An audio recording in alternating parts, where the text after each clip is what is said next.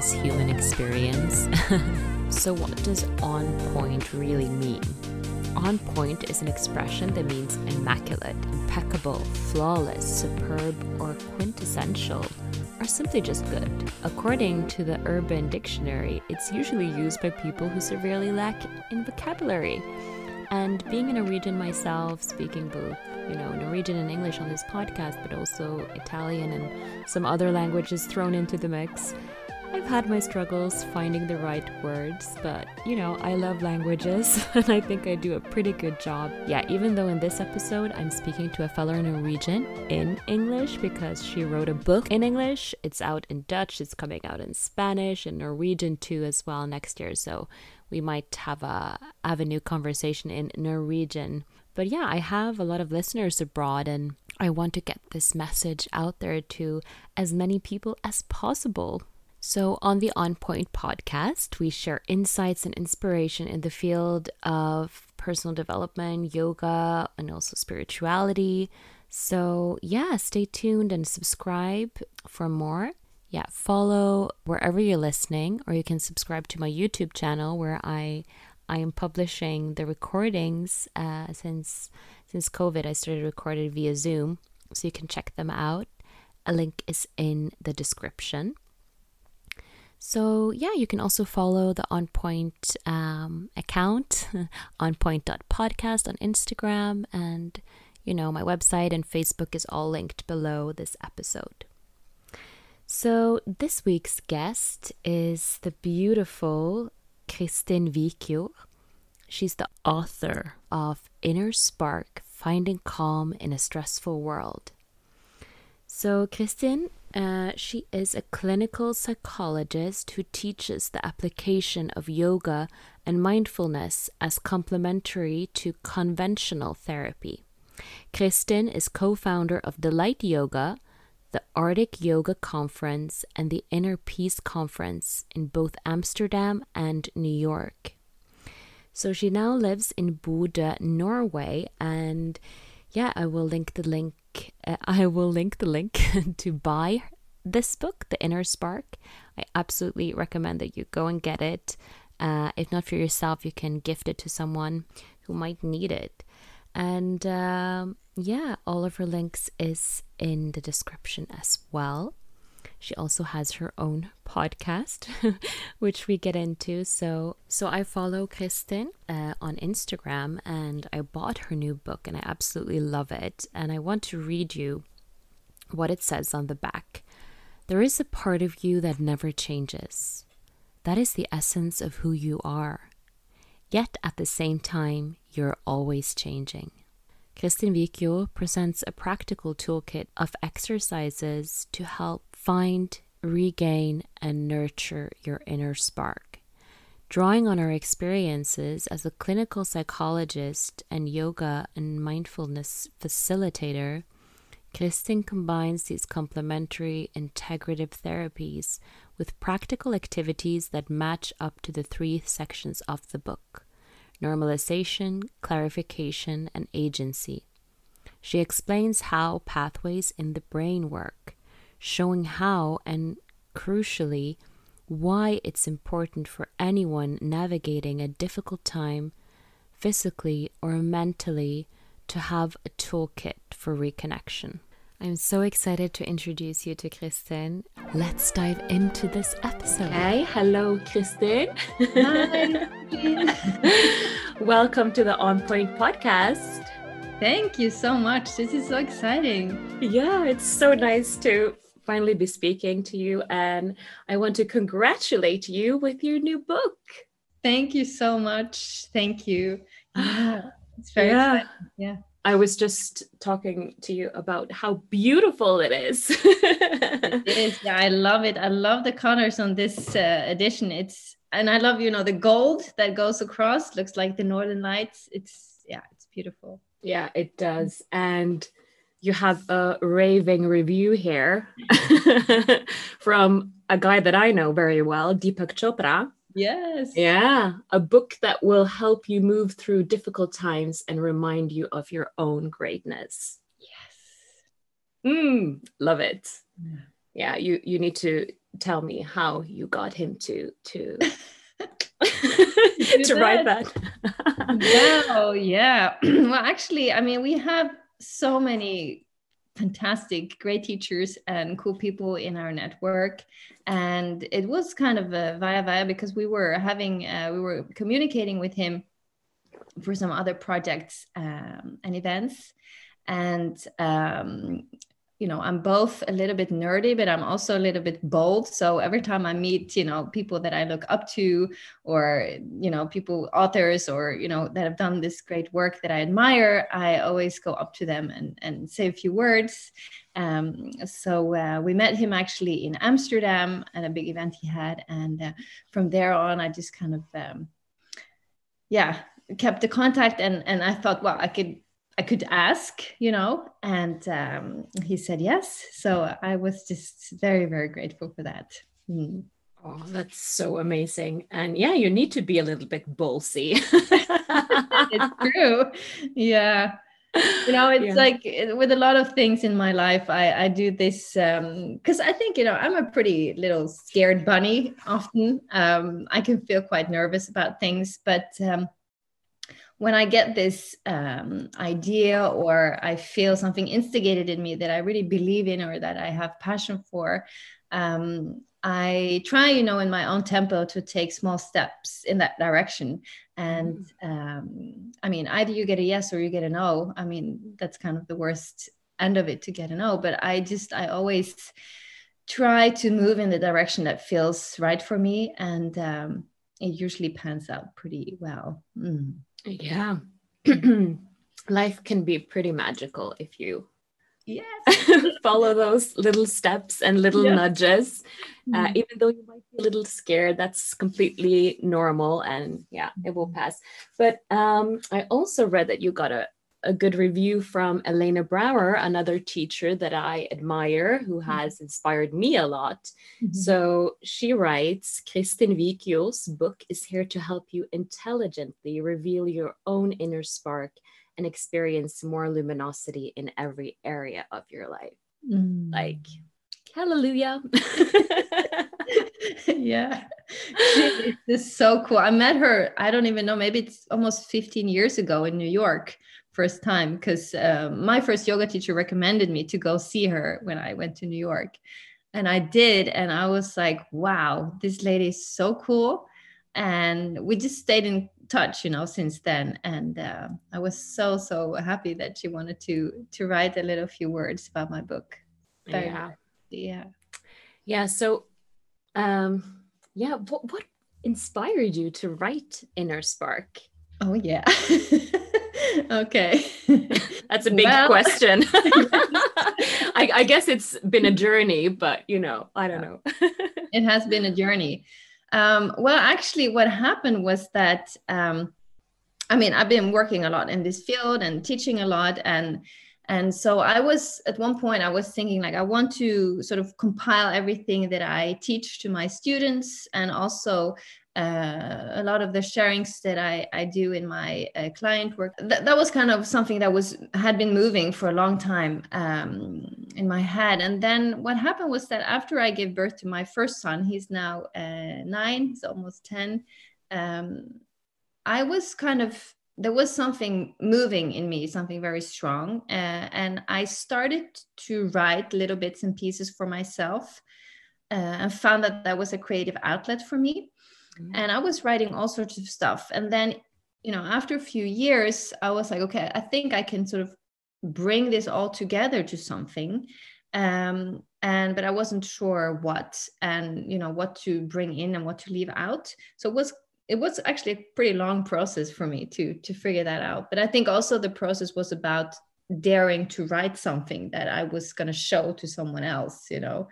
Um, yeah. That was also a big part of it. Um, and then eventually um, because yeah eventually it, it came clear that this was going to be the book and the working title at that moment was radical freedom because i was really you know playing with and and living in this like how do you free yourself from the conditioning of your mind? And this is very much related to yoga philosophy and and you know the the motivation behind our yoga uh, and med- meditation practice uh, so that was kind of where it started when I really started to write it from the start to the end of this book.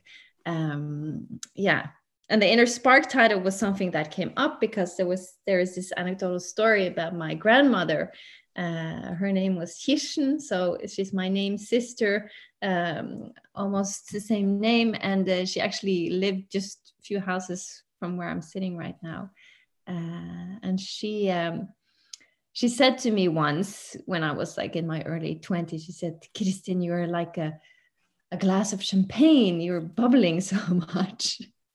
and at that time, you know, I didn't really, you know, think about it so much. But uh, after I, you know, when I was in my maternity leave, that memory came back because I was like, I don't feel like a glass of bubbly champagne right now. I feel like the opposite. Um, and so that's where that you know part of the story came in and uh, and also why i wanted to write this book because that was also moments uh, in my life where i was looking for how do we actually how do i personally but how do we move through when we feel uh, stuck in something and mostly that stuckness is in our head. So yeah.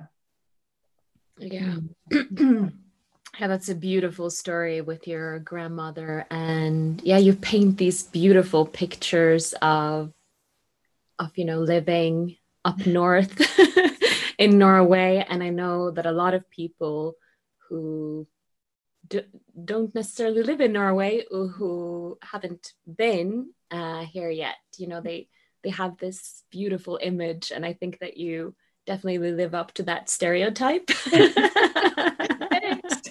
I guess. Yeah. yeah. because you know the northern lights and yeah, mm. this uh, when you share stories about growing up and you know asking the big questions like why mm-hmm. are we here like mm-hmm. i i'm on the west coast here in bergen and i definitely like relate a lot to mm-hmm. to your experiences mm-hmm. and yeah um i think you know we we're both grown-ups here but we we uh it doesn't take long to you know have this experience of losing mm-hmm. a little bit of that spark that we all have as children you know yeah. uh, mm-hmm. we we get a lot of messages from society and our parents and friends mm-hmm. and we start to adapt yeah and yeah yeah a lot of stuff happens um yeah so uh, you write in the the introduction that you, of course, wrote it be- before COVID was a thing, and now we're all kind of facing yeah a, a lot of challenges and mm-hmm. I guess a lot of darkness. Mm-hmm. Uh, we're we're going in. We're moving into the to the winter time here in Norway, and I guess up north it's pretty dark. Um, oh yeah. so you have a lot of experience in facing, you know, uh, the literal darkness, but yeah. that inner darkness that I guess a lot of people are are, are struggling with right now. Um, yeah, it's it, it's just so on point that you wrote this book. it's so timely. Yeah. So you share a, a lot of tools in this uh, mm-hmm. in this book. Mm.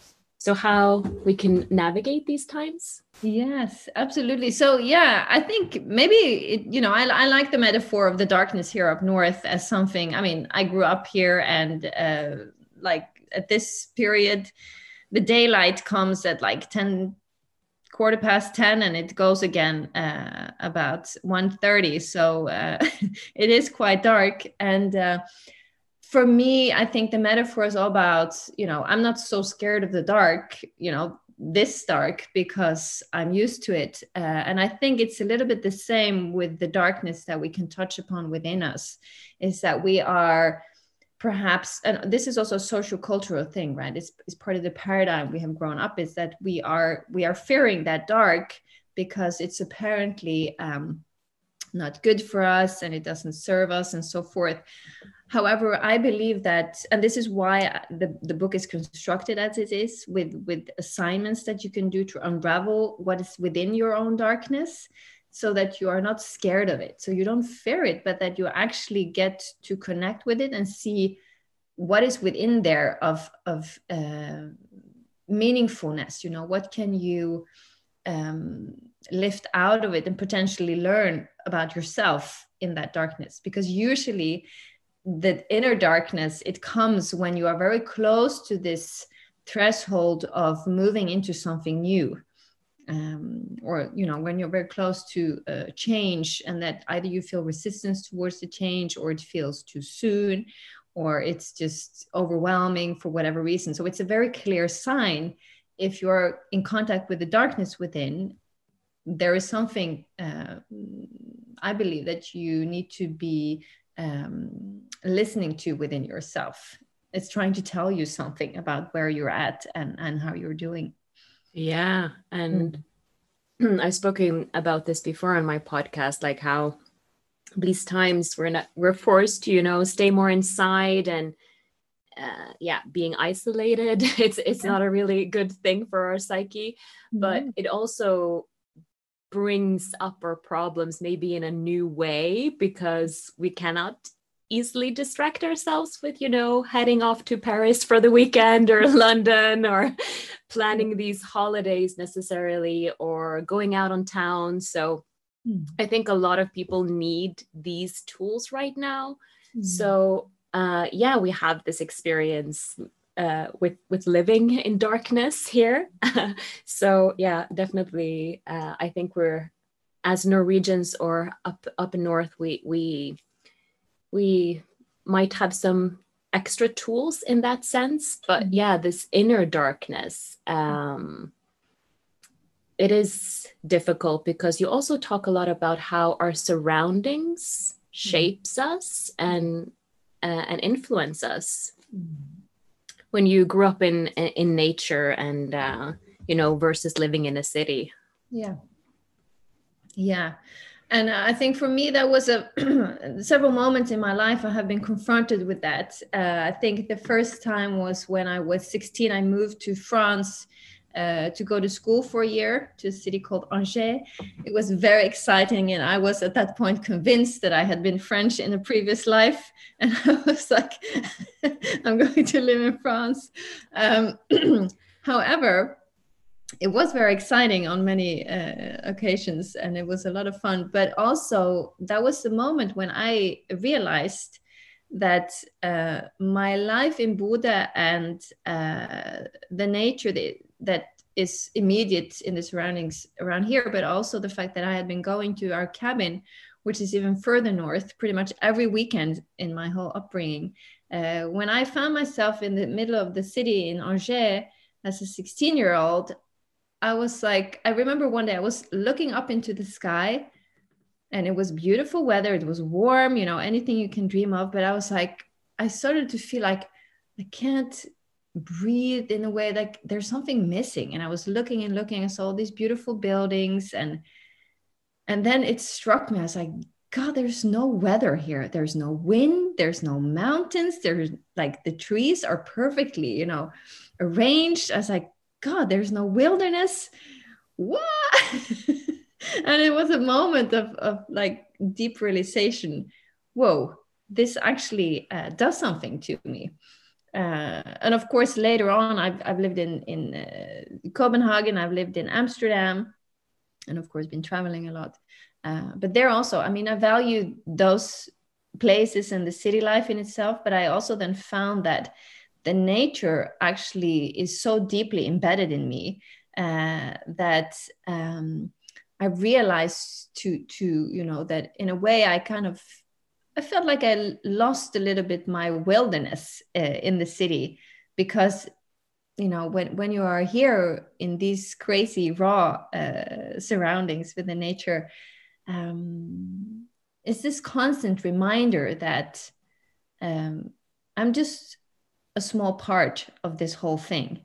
Uh, in the city, it seems like you know if it rains it seems like the rain is people looking at their their apps and say when is the rain going to pass? Because it's like obstructing our daily schedule you know we cannot go out. So then it seems like nature has to fit the scene of um, of how you live. While when you are here the opposite is a fact because when it's blowing here in Bodø or or you know what other kind of crazy weather we have here it's like you can't think like that because if you do you can't live here you know? So is this how you the attitude you have towards who you are in your surroundings? I think that's you know my point. Like how do you see yourself as part of where you are? And uh, mm-hmm. are you the center of it or are you part of of everything around you? Mm. oh yeah. I i can relate to that having you know escaped the nordic winters uh, and my depressions you know i used to live in in in oslo you hmm. know uh over 10 years ago and i was just like i need sunshine i need warm weather i need to wear all my dresses so i eloped and i never came well i came back many many years later but i went you know to to walk around the sunny streets of rome mm. eternal sunshine that was my dream you know i i too wanted to go to paris and mm. yeah same story basically but uh, uh, yeah i ended up in rome and i just remember it, it was so hot and I,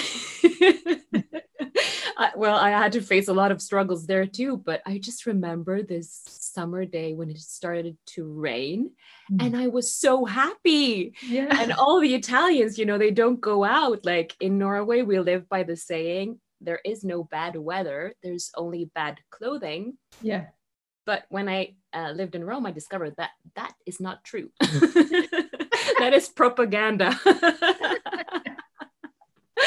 But I was just so happy. And people were just, why are you so happy? And I was like, it's raining. You know, I grew up in a city where it's raining and I can see the ocean and, mm. you know, the mountains behind me. And yeah, now we, I know that you moved back now and live in Bodø. And I, yeah, I've moved back we'll see how how long this will last but i just feel like you um, talk about in your book uh, more connected to my roots mm-hmm. and how much of a role like nature and where you grew up like is a part of your identity. Yeah yeah. Yeah I, and i definitely uh, feel that. And it's not you know like i i promote for everyone to move back to where they came from or anything but what I do believe in is that we listen inwardly to feel what is important for us and, and what aspects of what we come from are important for us, you know, and so that we can honor that. Um, and there are many ways to do that without necessarily moving back to where you come from. For me, that was the the solution um, eventually, and um, which I'm very grateful for. And I think also it's now when I'm I'm an adult uh, because I've been living back and forth uh, Holland for for several rounds, um, and then um, the last time we moved to Amsterdam uh, with our boys, uh, my oldest was four years old, and uh, we lived there. And then he said to me one day, "Mom, I think it is time that we move home now." and he was it i want to move home to nature. Wow that's yeah, so and beautiful. and yeah. he's like yeah it almost brings me to tears. But every day now you know we live just by the woods and we can see the beautiful mountains and the the fjord from here the ocean. And he says to me almost every day like this was remember that this was my decision I, it was my recommendation. We go back to, to nature. So for him, that was also already so early on, deeply embedded in him. And um, yeah.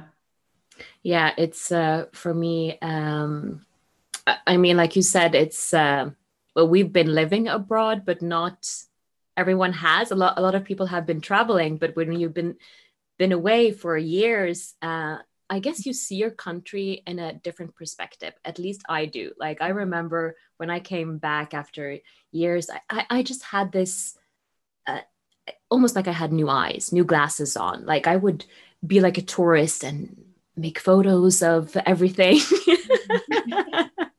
and I think that's a, a, a gift. I look at it that way because now I I'm like, oh, yeah, living abroad, I, I was the foreigner. I was exotic, and now I'm like, yes, my country is exotic, and I, I am too. But yeah, this this connection to nature. I mean, in these times, like you mentioned, nature as a tool to connect back to your true self mm. uh, and you know nature is magical and we are too so yeah connecting to to who you truly are um but Definitely. yeah. Yeah. And i mean there's been a lot of research done lately also and there's a lot of theories that support this you know how how nature is beneficial and can increase our our health both physically and uh, and mentally. So you know we can use whatever we have in our immediate surroundings even if it's a park uh, just a, a, plant in the office or you know whatever you have but we are as as animals you know uh, humans as animals we are drawn to everything that is alive and in in the uh, relation to this interbeingness you know which is suggested by uh, dan siegel is this we thrive better when we are in in contact with other living beings and um yeah, yeah. now that we maybe it's more difficult to to socialize because we are social yeah. creatures and that affects us uh big time. But like you said we can maybe connect more to nature and hug a tree. For sure. Yeah. And I, I, I you know even though lockdown many places and the physical isolation is detrimental for for us that is for sure. So it's it's definitely a huge impact on on people's mental health. Um, however uh, there's of course an increase in the application and use of social media and of, of or connecting uh, digitally uh, and that is also worth something. It also you know can benefit us and support us in this time of isolation. So you know my main point there is because that's also one of the other um, well-being prescriptions by the end of my book is togetherness. So that's another aspect that is um, essential for us and our well-being uh, to maintain a healthy level of well-being throughout uh, seeking out uh, other uh, people also mm. mm. staying connected yeah because even before this pandemic I, I guess you as a psychologist can attest to that there was already like a big you know mental health crisis in the world you know mm-hmm. um, um, there's a lot of reasons behind that and you mentioned some of them in this book and mm-hmm. um, now it's just like been escalated mm-hmm. so it, it it was already difficult to you know get help before this so mm-hmm. now it's just like um like you said you can reach out to people you can use nature you can buy this book or mm-hmm. you know uh, there are a lot of ways to to help yourself also in in these times and we need all these tools because good help is kind of difficult to come by these days mm-hmm. Hmm. Yeah, I do, however, also see that many of my colleagues are starting to uh, evolve into more digital uh, use, you know, uh, with therapy. So that's also good to see. But of course, uh, accessibility and and having good help is essential. And whoever I talk to, I mean, I'm in therapy as well. I mean, I say this to everyone, you know, like it's good, whatever things you're going through um, having help starting with with opening up to your family or your friends talking to other people about what is alive in you is always good. And if you are in a place where you're really stuck and you feel like it's um, going on the cost of your daily functioning level then it's for sure very important. Don't hesitate to ask for professional help you know um, speak with your doctor about it and, and get the right help. Um, it's it's really important. I always stress that. Don't hesitate to ask for help. Yeah, it, it's really difficult for a lot of people to to to to ask for help. So we cannot, uh, yeah, uh, stress that enough. Mm. And um, yeah, like you said, it's. Uh, it's also yeah it's it might be hard to come by like i said but it it um yeah going online has its pros and cons and there are more psychologists also available online and counselors and therapists and coaches and whatnot but also i gotta mention this because you can get a lot of free therapy on on social media there's a lot of bad advice out there too but i see that a lot of therapists have actually used i've been during this lockdown on on, on tiktok for for mm-hmm. instance mm-hmm. and um and i see that a lot of them share so many good tools.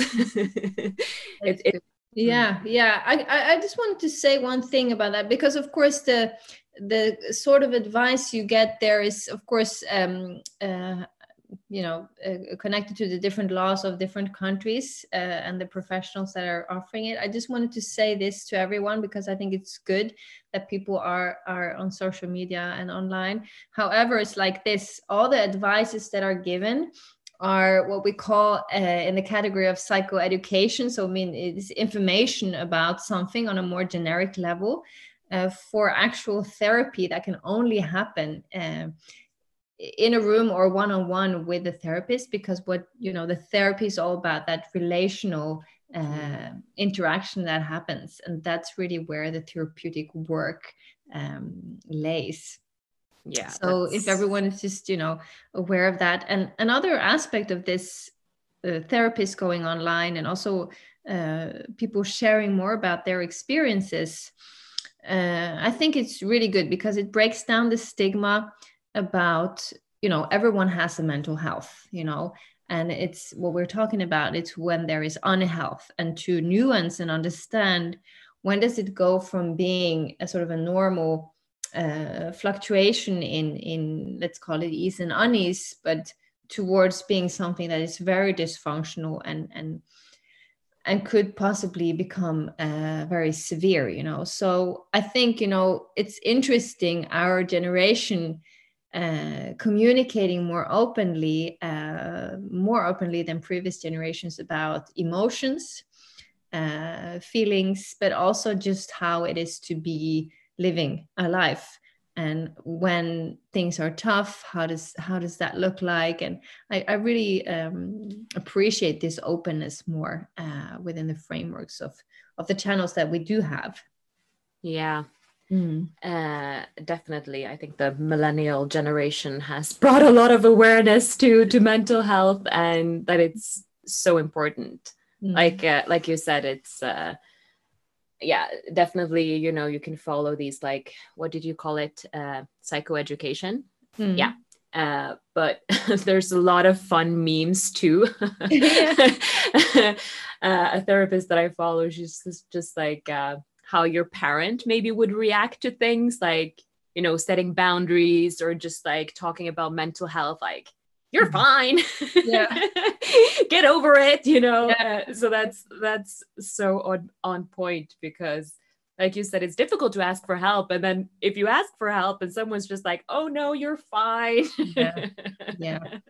So that's the thing, right? Because we are made of a different fabric than they were. You know, we are product of everything that was behind us and also them. And in this context of this time, and uh, that's who we are. So yeah that's you know then if you ask for help and you get that reply then i would say ask again you know and say seriously i'm asking for help. Please say something else you know? And uh, but i know for sure you know if you if you go and ask in the right uh, places you will definitely get the support that is that is needed. Mm. yeah because you talk a lot about the you know like you said we maybe grew up in another society than they have. So um this it's kind of dysfunctional this society. And you, you, you talk a little bit about that and how this hyper focus on individuality and you know um what do you call it? Uh, of this performing yeah. um, perfectionism paradigm. Yeah yeah so it's interesting. I mean you know from from where i stand and the possibilities my mother had for example so that's one generation back you know I, I know already that me and my sisters you know we're so much more fortunate to have so much more alternatives than she had. And then of course from my grandmothers you know i'm way you know ahead like with with possibilities as a woman and as a, as a mother. Um and which I really appreciate. But there's some some you know the the backside of this society is that because it's this hyper focused on result orient, orientedness and it's just basically been the hegemony of of what has been brought uh, or pushed forward you know since after the the second world war you know industrialism and all this uh, so this is just also sort of drained through all the layers of of uh, our society and also uh, in you know we're hyper focused on performing uh, in schools and in whatever we do. And this perfectionism paradigm is is really the framework of the millennial uh, generation. And in one way it kind of pushes us forward to be more focused and and and really achieve things but the backside is hardcore you know? We are also the generation with the highest rate of mental health issues you know? So uh, and this is what we see the reaction to now you know is that okay we've got to talk about this you know? We can't just kind of be, keep pushing forward and then you either have those who are front end and performing achieving and then the other parts that say hey it's just too exhausting i can't do it you know? What is there between that there's a lot between that. And and then you know we can start to talk about what is living this life actually what are the values to to uphold and um, what kind of choices are we actually able to make within the realm and the framework of this paradigm that has been uh, very much um, uh, present. And i think it's changing a lot because i see both of course in my line of work and and the approaches that are becoming more um, popular uh, we can see it with understanding why yoga and mindfulness has become so popular is that people feel something is missing. They want to connect uh, to something deeper within themselves. They want to also connect with others. So they want to have this connection emotionally uh, spiritually um, and and also with with each other as um, yeah as as human beings mm. Mm. Mm. Yeah, I can definitely relate. I've struggled a lot with perfectionism and I'm still a work in progress. And, you know, starting this podcast has definitely been mm. a, a, a training. but yeah, it's, I, I, think also Norway and I know that maybe in the Nordic countries in particular are very like individual um, mm. focused on, uh, on individualism or how do you say it? yeah, yeah. Yeah we're all you know we have to make it by our our own you know by mm-hmm. ourselves. And um yeah i definitely see a difference having lived abroad. Um but yeah like you mentioned the the relation to to mindfulness and yoga and um i think is so interesting. There are a lot of uh, therapists that have become yoga teachers and vice versa but um yeah this is another tool um practicing mindfulness. And you talk a little bit about this in your book the modern spirituality versus the ancient wisdom and also how it relates to modern psychology. So can you talk a little bit about that yeah, well, first of all, I want to say that you know all the the beautiful wisdom teachings and the philosophy. You know, we've we've learned so much from that, and these were you know these these prophets and these practitioners. You know, they were really the first scientists and psychologists you know because they were really trying to figure out how does it all work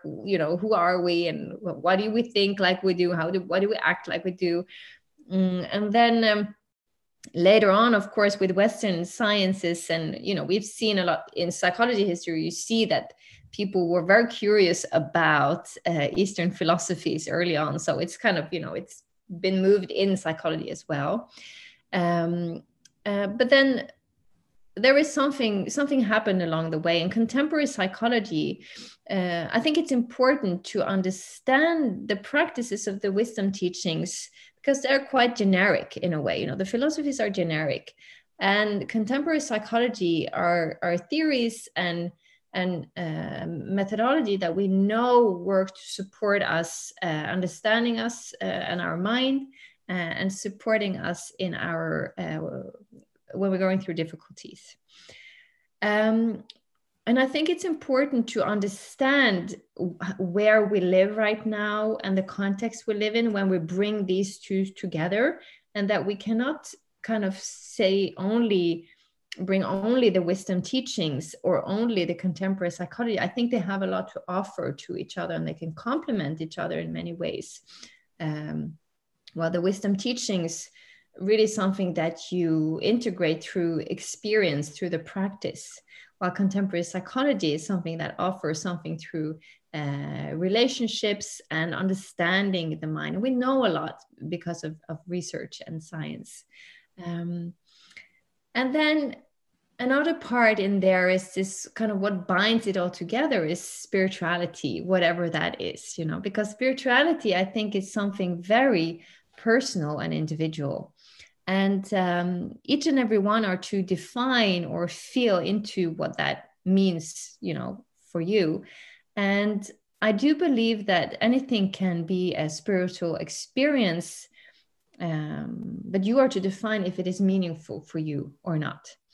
Uh, and i like to say that because i do actually you know I, I know big parts of the global community of so-called contemporary spiritual community um, and i'm not so appreciative to when it's you know suggested or conditioned to people what spirituality is because it is something very personal and uh, it is only you that can define what that what sort of meaning it has for you uh, in a given moment in your life mm. Mm, yeah back to that inner spark yeah. but yeah I, I i i also want to touch a little bit about the the whole yoga path and you know modern spirituality because there there's a lot of traps in that world and a lot of you know inauthentic teachers as well like a lot of people approach this world you know to to for healing and you know learn how to control their monkey mind mm-hmm. and um yeah, it is a journey, but I guess if you have any advice for people starting out with yoga and mindfulness who or people who've been on this path and you know um, haven't really made if they're being honest with themselves mm-hmm. progress yeah well in search of teachers or how to say or moving on your path i think it's important to be aware of certain things. First of all, when we move in the direction of that path, there is a curiosity in us or something that motivates us. We might be vulnerable uh, in that moment of time and we're looking for something. Um, and I think it's important, as important, um, if you can stay close to your uh, boundaries, you know, be wary of your boundaries, but also then seek out teachers um, or usually we say like this the teacher will come to you you know that is meant for you um, that resonates with you you know get to know them a little bit know their path into it and uh, investigate how they uh, live this this practice and how this journey has been for them. I think that's the best thing i can say. And i also just want to say remember that all these teachers are just normal people you know? Because that's you know maybe some people will be uh, mad at me for saying this but like i said i know i have i know a big part of the yoga community and the spiritual community and um, we tend to put people on a pedestal when we believe that they have something that we don't. Um, but it's you know they are people and they have done their journey in this and invested time in practice and and trying to understand themselves. And um, if we can see each other as people uh, just everyone with our vulnerabilities our strengths and weaknesses then i think we can meet and walk uh, on this journey more together uh, than if we keep putting people on pedestals and and maybe get disappointed or yeah. I think it's important to especially because i think in the spiritual community we have an extra responsibility because like i said people come they might be vulnerable they might look for something uh, so the incongruence between what they expect and the reality might be very hurtful actually uh, or harmful. So you know for you as a student just make sure to know the teachers that you approach or that come to you. And for you as a teacher you know just be wary of your responsibility and be be open uh, about your own journey into it. I think yeah. that's the best thing i can say. Yeah. That's that's good advice. And you know, there are a lot of yoga teachers out there, but not all of them are therapists. so just remember that, like, take any advice with a grain of salt and always check in with yourself. Uh, yeah. But uh, yeah, I wanted to touch upon this because uh, I mean, there's so many teacher trainings out there, and there's not a lot of regulations, I think. Mm-hmm. So for you who you run a yoga studio. Uh, and you've been teaching train uh, teaching trainers uh, yeah. teaching teachers sorry. Yeah. so um i mean do you uh do you have anything to say in that regard? I yeah. do. Yeah. So this is like my passion right? Because i mean this is you know the material in my book and yeah, we have five yoga studios in Holland. Uh, I've been running teacher trainings, uh, be part of developing the academy there, or the set of the academy uh, at Delight Yoga. Um, I'm involved in the Institute for Yoga Therapy uh, training. I teach a, uh, a, module there. And I have uh, my own training and material, both from the book Inner Spark, but everything I've done up till now has now become the training yogi facilitator so that's a four level advanced training. And this is a training that I created both because when I was studying psychology and yoga, taking my trainings, I was like, where is this missing piece? You know, how do I bridge this? Like I want I want to have see some kind of training that that uh, take into account both languages. Um, uh, and then eventually that became my training, the yoga facilitator training. And this is for uh, the teachers that are interested in in uh, mental health uh, and interested in diving into the deeper layers of themselves, but also how to help uh, others because it is indeed a lot of yoga teachers that have the best intentions but don't have sufficient uh, knowledge or experience in in in both in psychology or in how to facilitate a transformational process. Mm-hmm. So this is why I created a yogi facilitator program. It's a leadership training where you get to really evolve and elevate your skill set as a facilitator uh, so that you're more prepped and have the competence required if you want to work one-on-one with people or if you want to work in, in with particular populations that you know have um, me- mental health uh, considerations you know? Mm. yeah because yoga has a lot to offer and these mindful practices um, in addition to to also conventional therapy. Yes. Yeah so that is uh yeah that that program sounds amazing. Like i yeah I, i've done some teacher trainings and you know i've been in this yoga world for many years now and yeah a, a, lot of people you know they put the teachers on pedestals and uh, they come for advice but like you said even therapists go to therapy. And i think a lot of yoga teachers came to yoga because they wanted to maybe help themselves. Yes, yeah indeed. Yeah i mean we're just people right? So so that's it. And and the training that I've created is just you know finding that or giving people that language that where it goes hand in hand that is uh, supportive uh, for these exact things. Mm. Yeah, because nowadays, you know, modern yoga, as it's portrayed maybe on Instagram, it's maybe more of a like a show off thing that uh, breeds, feeds into this whole perfectionism thing and performing. Uh, so yeah, it's it's all about that inner journey and the yoga practice yes it can be physical and you know it can lead you to a transformational journey that too um, that route.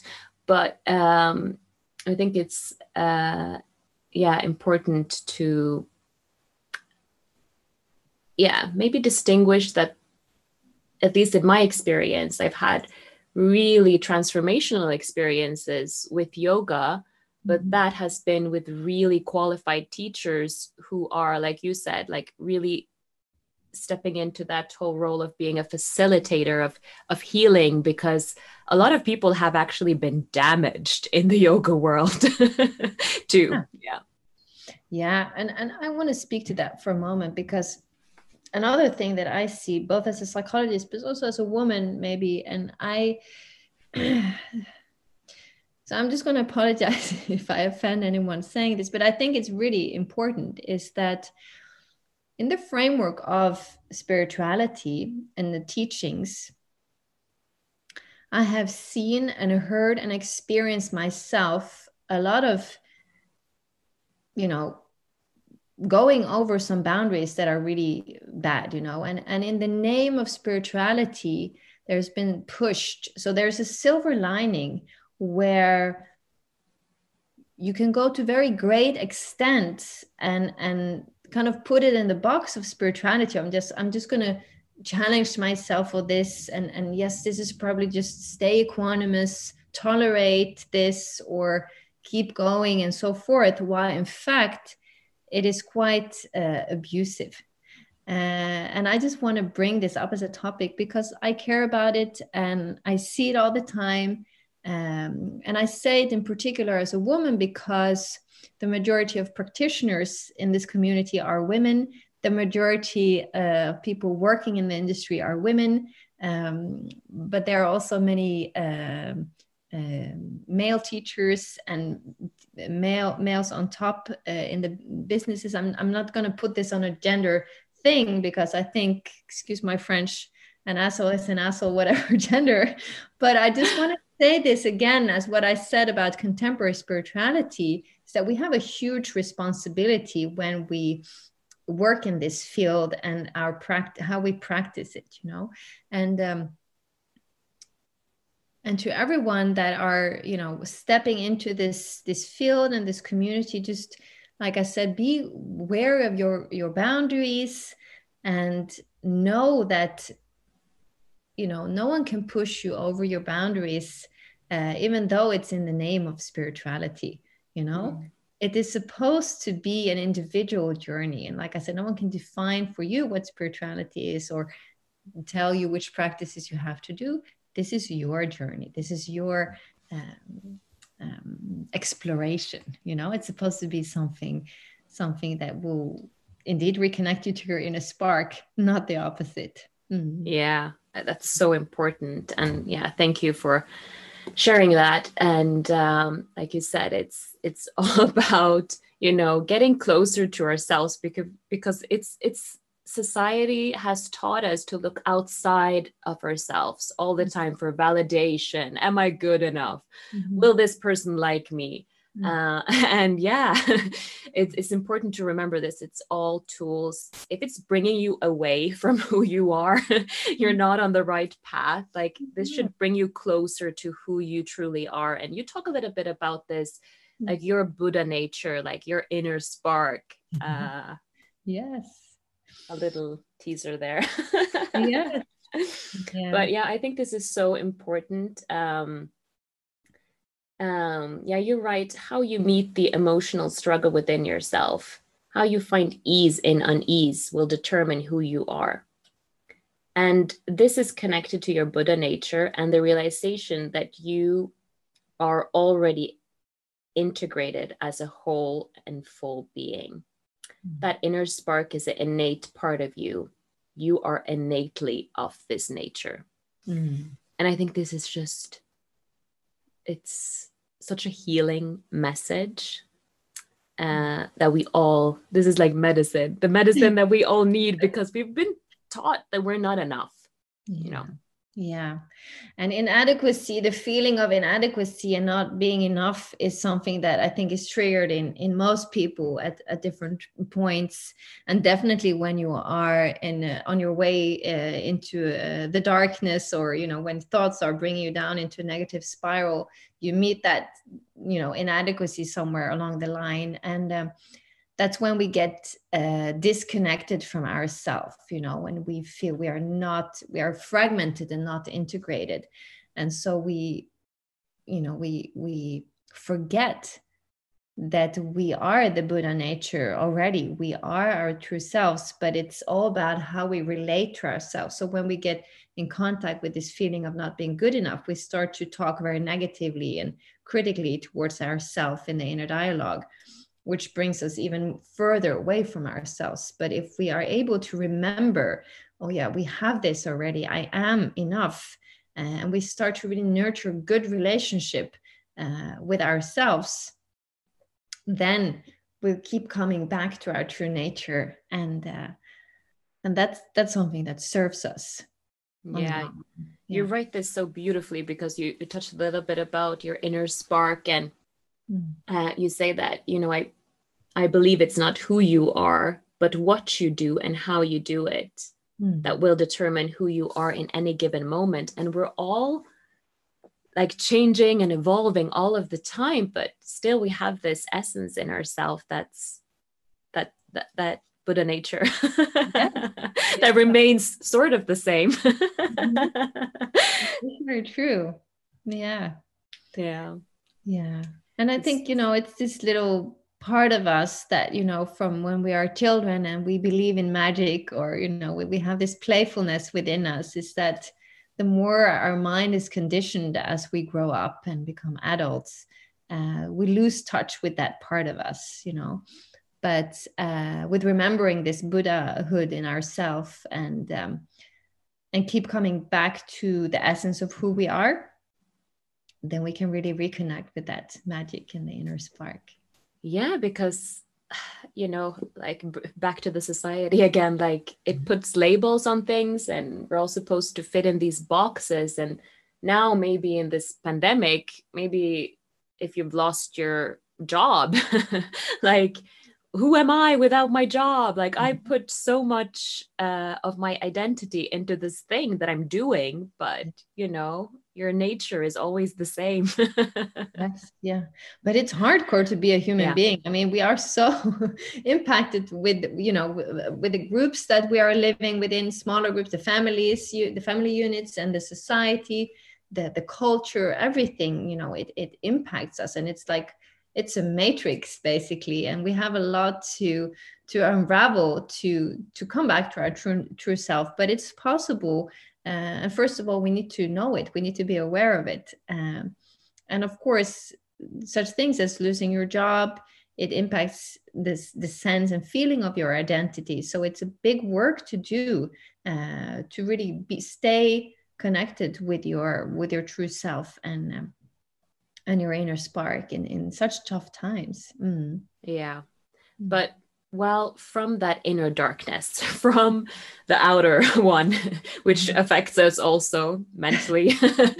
uh, but um, yeah, we these are the the that darkness is a great fertilizer also for change, and you guide us along the way in your book. And um yeah so i definitely recommend that everyone gets this book because it's it's so beautiful number one uh, i'm all about the aesthetics but mm-hmm. also the feeling like i i'm a huge consumer of books i've always been a book nerd a, little uh, yeah and especially over the the last decade i've consumed a lot of self-help books on mm-hmm. yoga mindfulness and and uh, yeah i listen to a lot of them but this is a great book to have in your hands. I love when you say that. I'm also such a book nerd you know and i, I love and you know it's incredible for me to also have this book in my hand you know i, I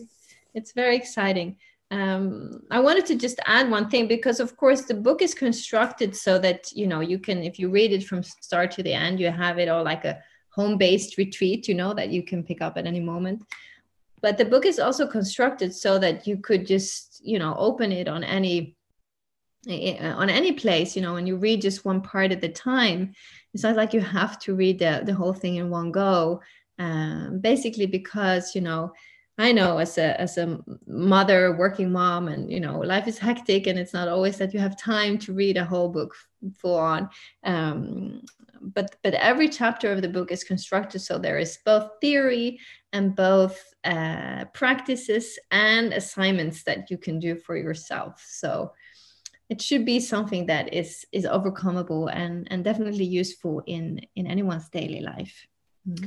Yeah, uh, it's good to have uh, a guide, and uh, there are also some questions you know that you can journal um, that's that's a good tool mm-hmm. uh, that we can maybe you've been to a yoga class or retreat where you uh, yeah by the way i saw that you hosted a retreat in lofoten up in the north of norway. Yeah. Yes. oh it was so amazing. And it's uh, organized by my very good friend andrea at min yoga lofoten and the lofoten yoga festival.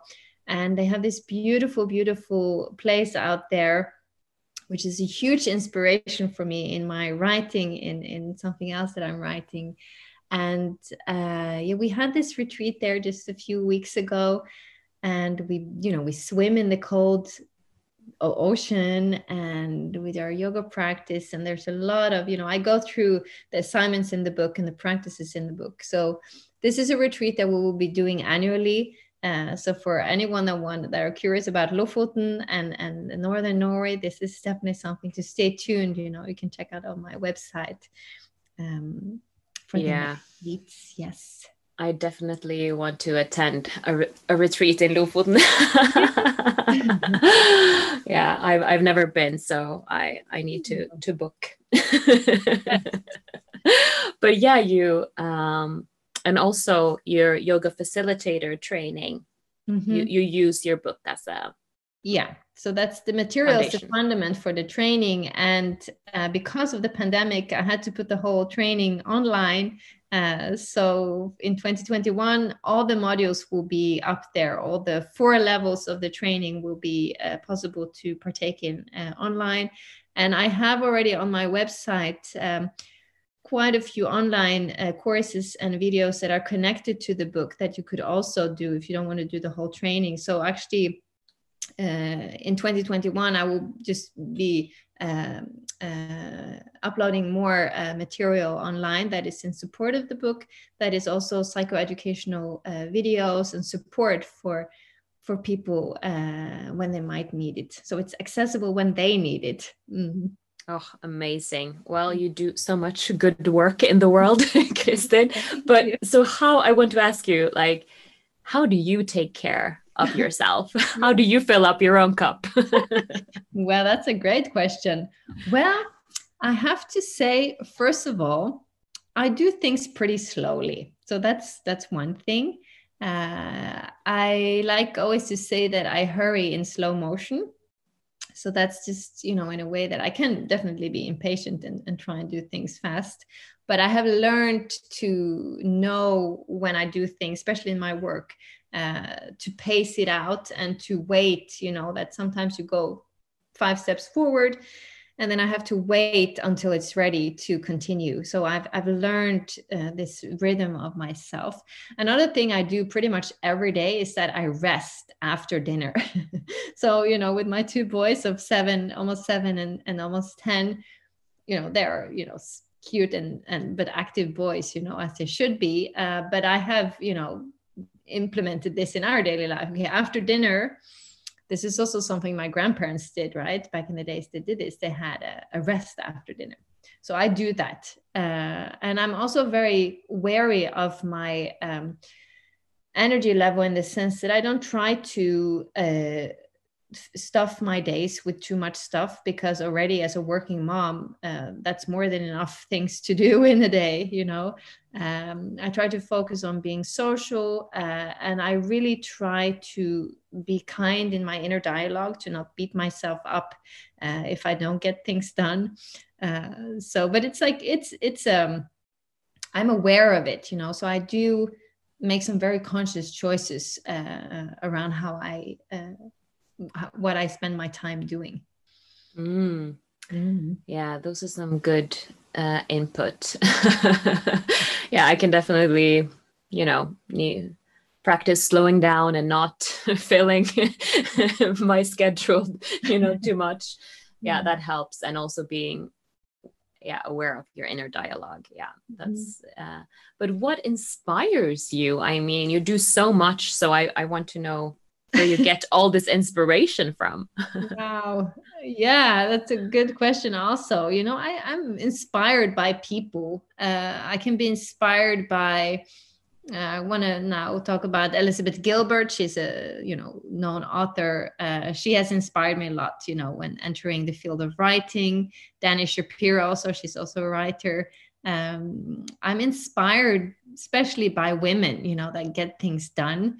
I'm very curious about how they do things. So, like you know, Oprah Winfrey, for example. I'm just like curious about, you know, how how is that? You know, to be in that realm of of creating you know and and executing of course also um i'm just and I'm, I'm very much i mean i'm inspired by anything like i when i walk in nature or music or or um, pictures paintings. I can be very much inspired by things that touches me in in one way or the other.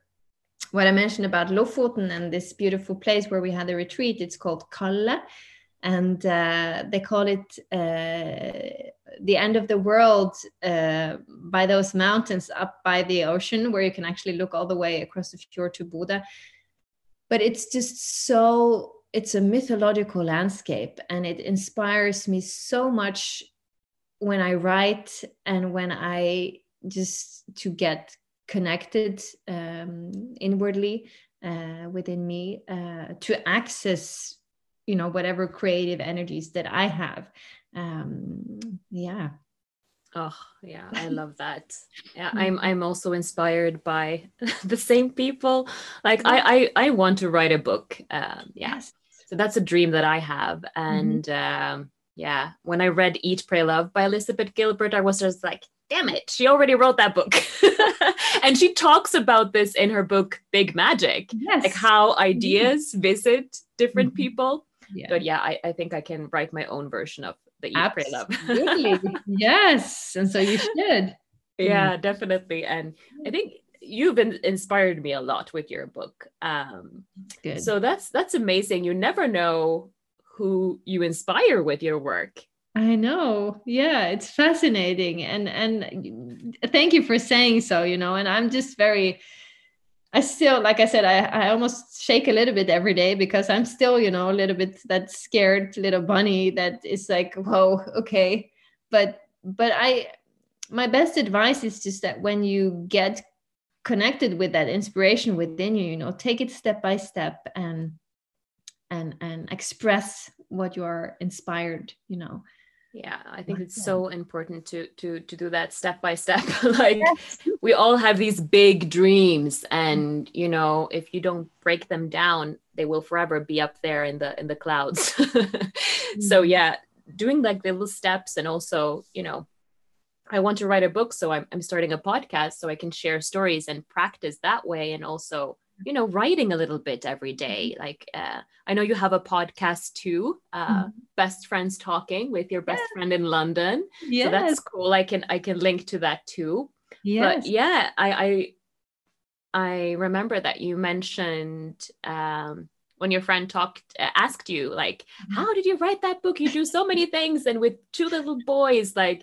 and and you mm-hmm. mentioned just like writing a lot in your notes app on your phone I am actually, and you will not believe it. But yeah, I both for this book, Inner Spark, but also for I mean now I'm I'm writing on a on a novel, on a series of novels now actually, which is set in the in the mythological landscapes of the of northern Norway. Um, and um, yeah because i mean ultimately i would love to sit behind my computer and just dive into writing hours every day. Uh, that's not possible uh, because i have a job and uh, i have uh, boys to attend to and so forth. But what i do do is that i use the notes on my phone and i have these folders there and i write sometimes you know it's like in big, big magic you know the, the door just opens and there's you know phrases coming out and paragraphs and i just have to write it down. And i do that because I, you can do that pretty fast. Um, um, and then you know that's it also just allows me to to live in that story in that world for a, a while and know the characters so that eventually you know I, I when i do have the time to sit down for a few hours i do get to compile everything uh, in the manuscript uh, and the story that's actually will come out. So that's my best recommendation to to all you that want to write or aspire to write. Just start a folder in your notes on your on your phone when you're on the bus or when you're having a moment uh, five minutes here and there. Just write if it's just one sentence whatever but take it out of your head and bring it down on paper.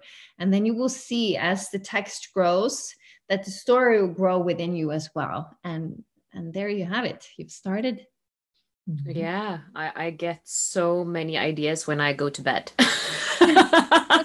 So i definitely yeah I, I definitely have like a full folder. But it's just like stop.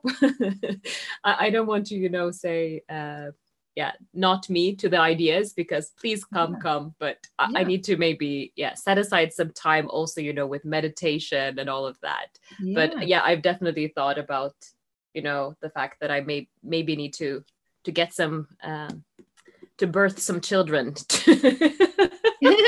because I, I realize the more busy you are the more mm-hmm. laser focused you become so i think this is uh, your mom's skills because this is you know birthing a book mm-hmm. it is it, it is a child you know it is a, it mm-hmm. a project it actually took me nine months to write it you know from start to end when i started yeah i did actually so very much so yeah mm-hmm. yeah it, it, it is uh, this way with with every ideas we're, we're always pregnant with some ideas Mm. So yeah.